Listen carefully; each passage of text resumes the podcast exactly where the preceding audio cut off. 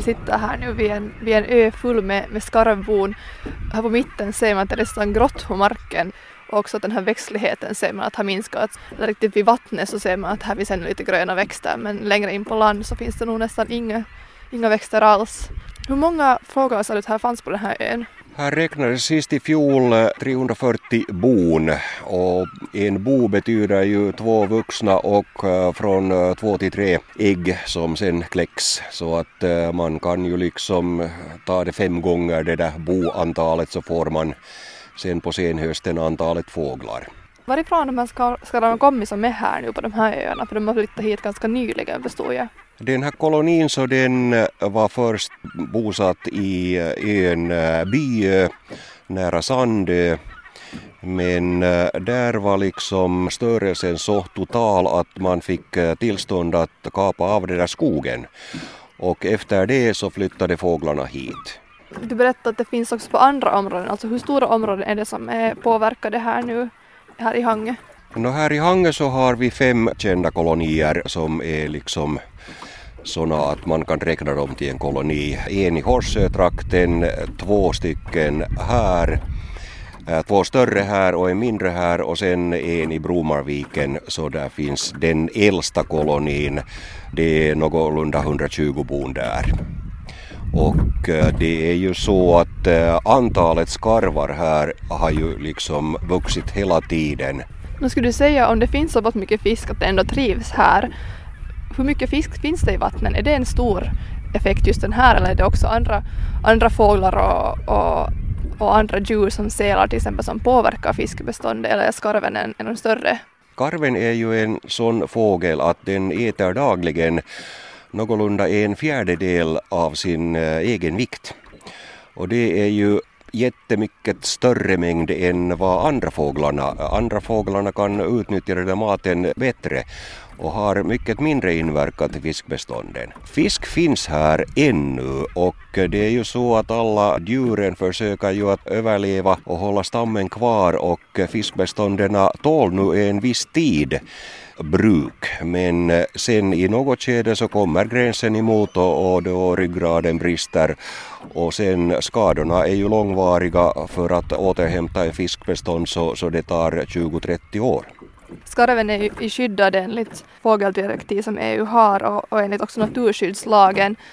Tycker du inte att det finns argument tillräckligt från deras håll för att, för att skydda den här fågeln eftersom ni nu skulle vilja pricka de här äggen förstår jag? Det är bara så att eh, för mycket är för mycket och eh, naturens helhet skulle borde tas bättre i beaktande. Det är ju så att eh, om det kommer en art som har inga fiender förutom numera just har det här havsörnen så, så den tar liksom övergrepp på, på annat natur och eh, när det är ändå människan som har överlåtit det här eh, störelsen som, som nu sker här i skärgården så eh, äh, människan skulle borde eh, också reglera den här saken bättre. Och det gör man på andra ställen i Europa. Håller man koll på stammarna. Men här får man inte just göra någonting. Och den här ansökningsprocess för eh, undantagstillstånd så den är ytterst svår, trög och långvarig. Nu för tillfället så den längsta ansökningstiden som inte har ännu avgjorts i Äntliga Finlands NTM-centralen så den har varit där 18 månader, alltså två somrar och inte ännu heller har beslutet kommit.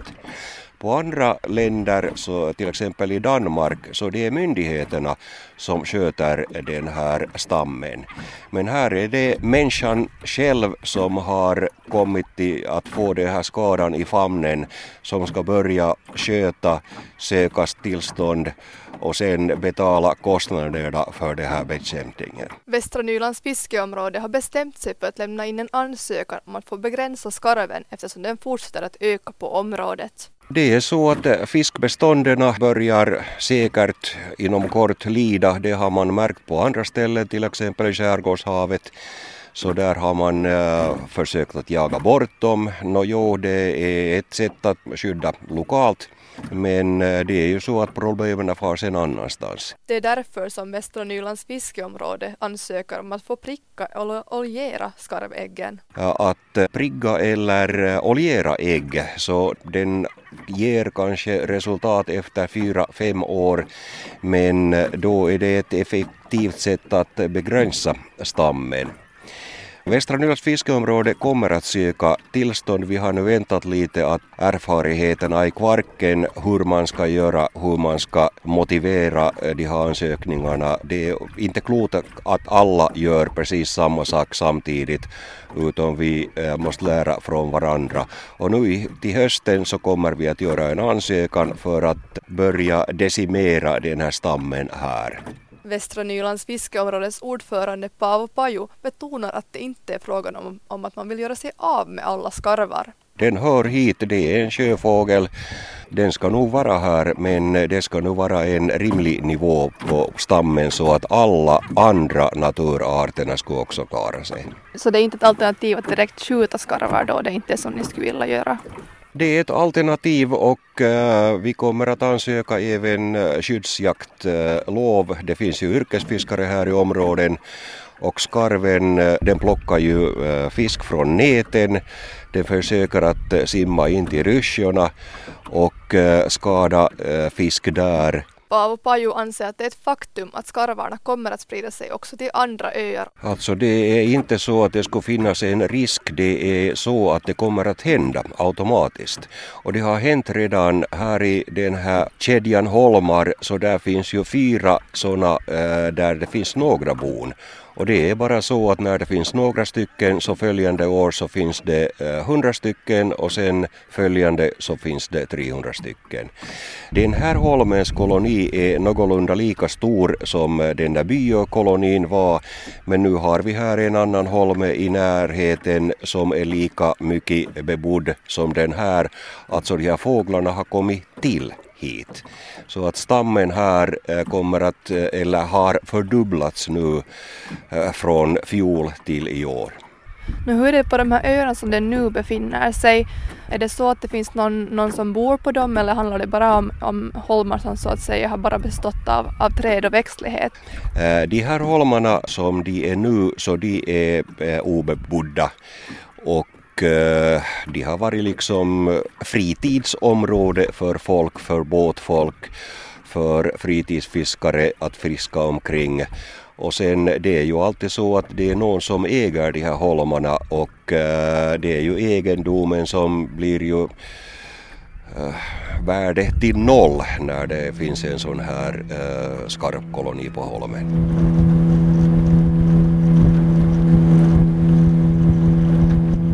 Jag och Paavo Paju åker vidare till nästa ö. Den ligger väster om Öby och Paavo Paju uppskattar att här finns kring 200 bon. Nej, flyga med störd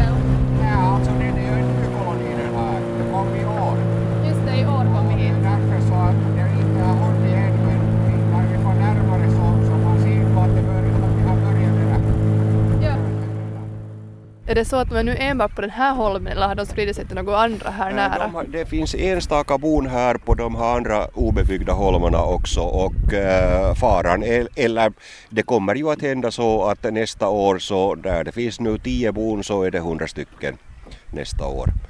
Det är bara så. Paavo Paju är oroad för vilka effekter skarven kan ha på den lokala skärgårdssiken, eller Bengtsårssiken som den också kallas. Det är ju en värdefull och unik eh, sikstam och dess, dess lekområden finns just här kring de här trakterna. Den, eh, när siken blir stor så simmar den till sommaren ut till havs och, och äta men eh, Eh, de här nykläckta så de är nog här i trakten eh, ungefär två års tid innan de blir så stora att de flyttar sen till sandbankerna på västersidan av Hangö. Sen kommer de till hösten hit och, och har sin lektid.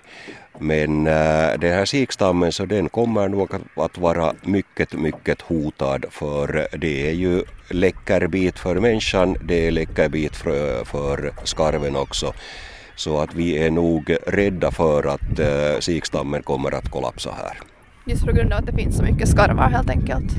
Helt enkelt fiskbruket här jämfört med uh, läget för 10-15 år sedan så den har ju mera än tredubblats och fiskbestånden kommer nog inte att klara det här.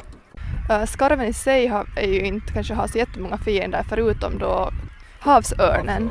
Ja, har den, har den hunnit ta många här vad du vet om? Havsörnarna har ju ökat hela tiden men äh, i verkligheten så den har nog ingen större betydelse för att minska stammen. Det enda betydelse som den tycks ha är att den brukar flytta till något annat ställe om den blir liksom riktigt mycket hotad av, av havsörnen.